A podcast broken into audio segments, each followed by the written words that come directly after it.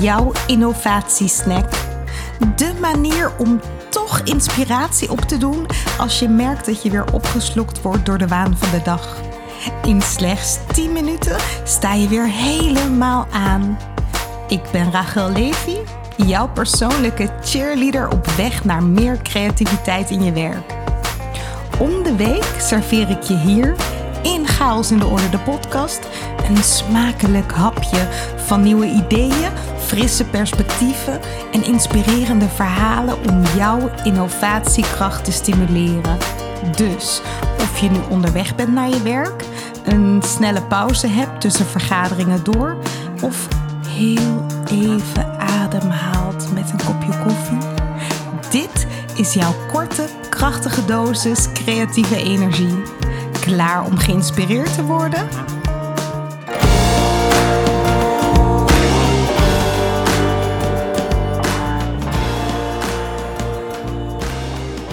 In deze podcast zoek ik steeds naar de meest directe impacts die jij kunt hebben op de cultuur in je organisatie.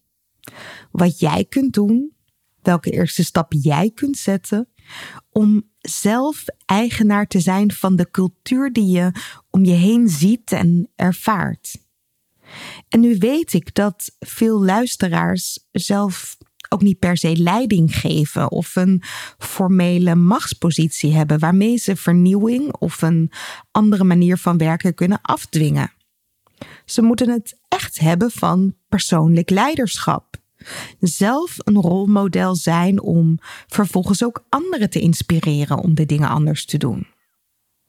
Maar iedere organisatie heeft natuurlijk ook formeel leiderschap. En daar kan ook verandering gestimuleerd worden en plaatsvinden. Daar hoeft het niet alleen plaats te vinden, maar daar moet het zeker plaatsvinden.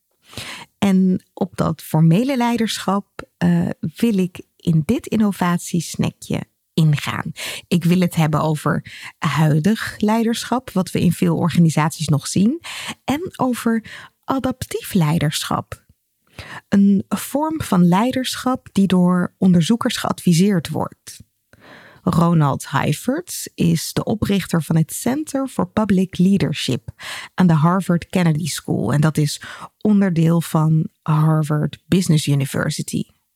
Hij heeft vele boeken en artikelen geschreven over leiderschap. En dan vooral over leiderschap dat mensen kan mobiliseren of in beweging kan brengen rond uitdagingen die vragen om aanpassing. En samen met Marty Linsky, die ook werkzaam is aan de Kennedy School van Harvard, verkende hij de principes van adaptief leiderschap. En om goed te begrijpen wat zij daaronder verstaan, leek het me handig om het traditionele management te vergelijken met adaptief leiderschap. In het kort gezegd wordt traditioneel management gezien als vorm van leiderschap waarbij leiders vasthouden aan hun formele positie in de organisatie, hun machtspositie. Uh, en waarin hun taak vooral is om omstandigheden beheersbaar en controleerbaar te houden. Waardoor ze ook vasthouden aan rigide structuren en processen en zelf vooral de brandjes blussen. In plaats van uh, het leiderschap of het probleemoplossend vermogen aan het team te laten. En omdat ze alles zo bij zich houden, hebben ze het druk en worden geleefd door korte termijn uitdagingen. En daardoor kan traditioneel management terughoudend zijn om te veranderen. Waardoor natuurlijk innovatie wordt belemmerd. Ik vergroot het expres een beetje uit, hè? Uh, maar dan is wel duidelijk wat het grootste verschil is met adaptief leiderschap, wat de onderzoekers dus adviseren. Adaptief leiderschap gaat minder over macht, minder over hiërarchie en meer over teamwerk. Adaptieve leiders pakken juist niet alles zelf op en verdelen werk ook niet zozeer op in losse taken, maar pakken liever als team een uitdaging aan. Waarbij ze alle talenten inzetten en bereid zijn om te luisteren naar de aanbevelingen of aanpassingen die het team voorstelt. Het adaptief leiderschap is erop gericht om mensen in je team te mobiliseren om gezamenlijk lastige uitdagingen aan te pakken. En daarin dus ook als team te floreren. Dus nog even terug naar die traditionele managers. In praktijk zie je dan dat zij nog vooral vasthouden aan traditionele hiërarchieën en uh, structuren. Dat zij angst hebben voor verandering en de risico's die verandering meebrengt. En dan vooral ook voor hun eigen reputatie of status dat traditionele managers beperkte ruimte ervaren en ook nemen voor creativiteit of een experimentele aanpak. Ook omdat ze de nadruk leggen op het handhaven van bestaande systemen. Daar zijn zij ook voor aangenomen. Nou, wat maakt adaptieve leiders anders? Zij zien dus leiderschap als een gedeelde verantwoordelijkheid en hechten minder aan hiërarchie of persoonlijke credits uh, voor het resultaat. Adaptieve leiders omarmen flexibiliteit en aanpassingsvermogen om snel te kunnen reageren op veranderingen. En als ze daarvoor zelf niet de beste ideeën hebben, wat natuurlijk ook helemaal niet hoeft, halen ze die ideeën uit het team. Ze moedigen creativiteit en innovatie juist aan, omdat ze het belangrijk vinden om steeds nieuwe benaderingen te verkennen en te onderzoeken wat goed werkt. Hierdoor stimuleren zij een cultuur van leren en van groei. Waarom is adaptief leiderschap relevant? Nou ja, heel simpel. Alle organisaties hebben te maken met onzekerheid en complexiteit. De, de wereld verandert snel, dat, dat hoor je ook continu. De wereld verandert snel op allerlei vlakken. Productieprocessen moeten duurzamer, dienstverlening moet inclusiever, technologie neemt taken snel over en dit zorgt voor kansen, maar ook voor veel aanpassingen in de interne organisatie. En wij moeten ons ook kunnen aanpassen. Adaptief leiderschap zorgt ervoor dat dit ondersteund wordt. Omdat het stimuleert dat mensen in de organisatie samenwerken aan een doel op een flexibele, experimenterende manier. En nu is natuurlijk de vraag: hoe kunnen traditionele managers zich losmaken van de huidige structuren en huidige leiderschapstijl en toegroeien naar adaptief leiderschap? Allereerst, adaptief leiderschap is niet alleen een benadering, maar het is vooral ook een, een mindset. Het begint met het loslaten van de beperkende overtuigingen die we nu hebben over leiderschap. Namelijk dat leiderschap iets te maken zou hebben met macht. Of dat je als leider solistisch verantwoordelijk bent om, voor het nemen van beslissingen, uh, voor het blussen van brandjes.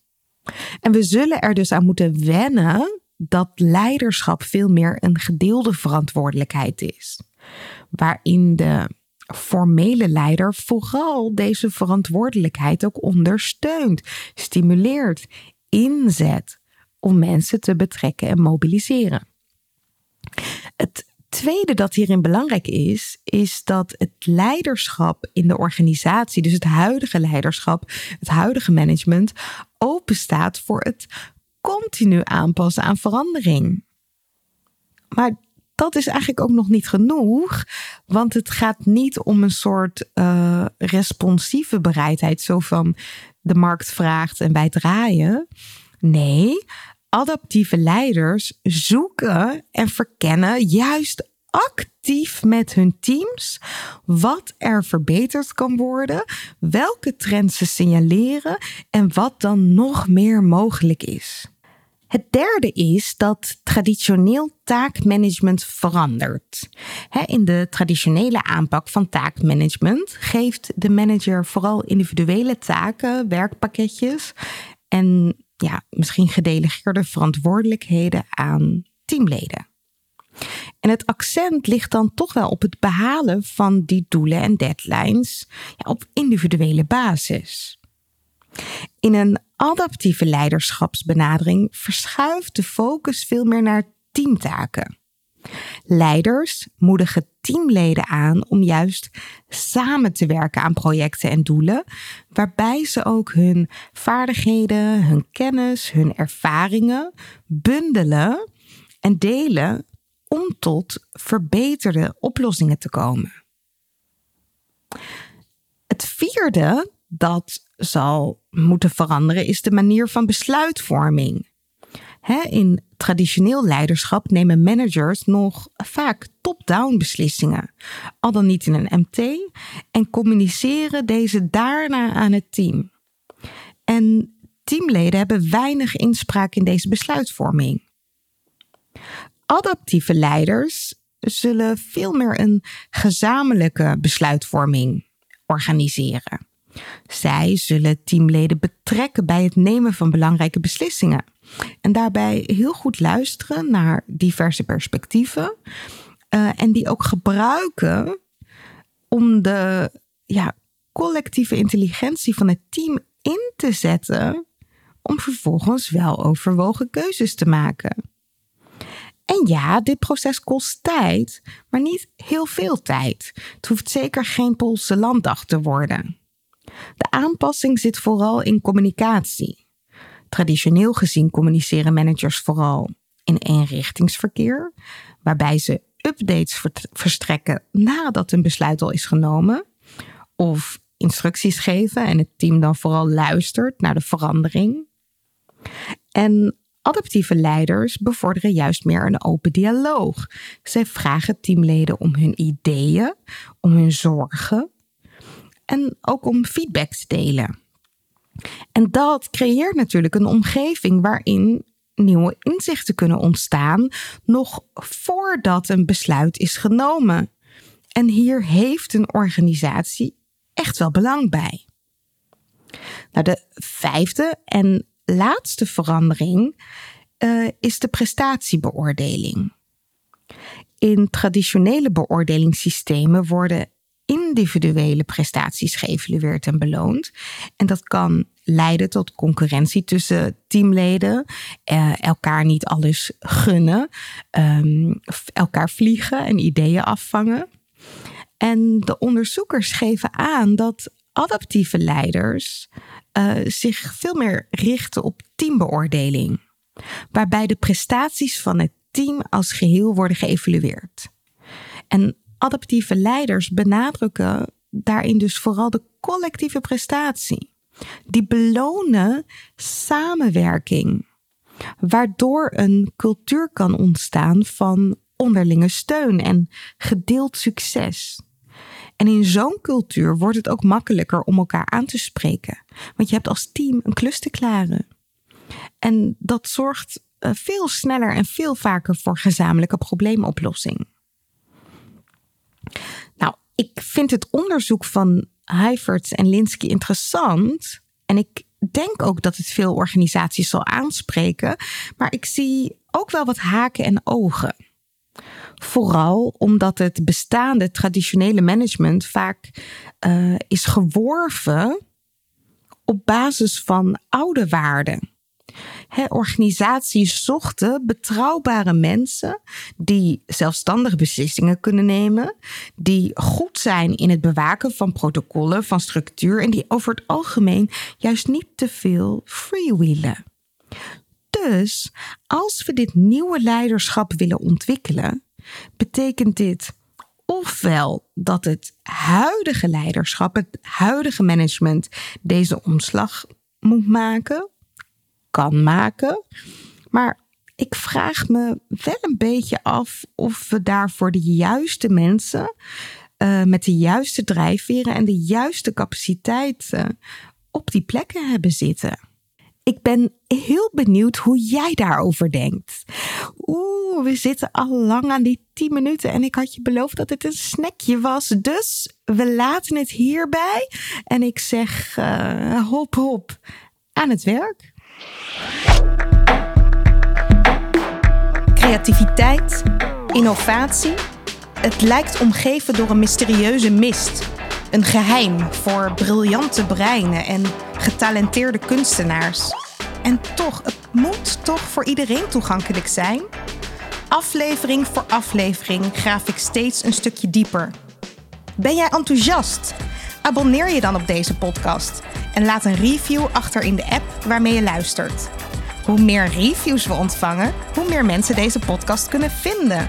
Zo zorgen we samen voor meer chaos in de orde.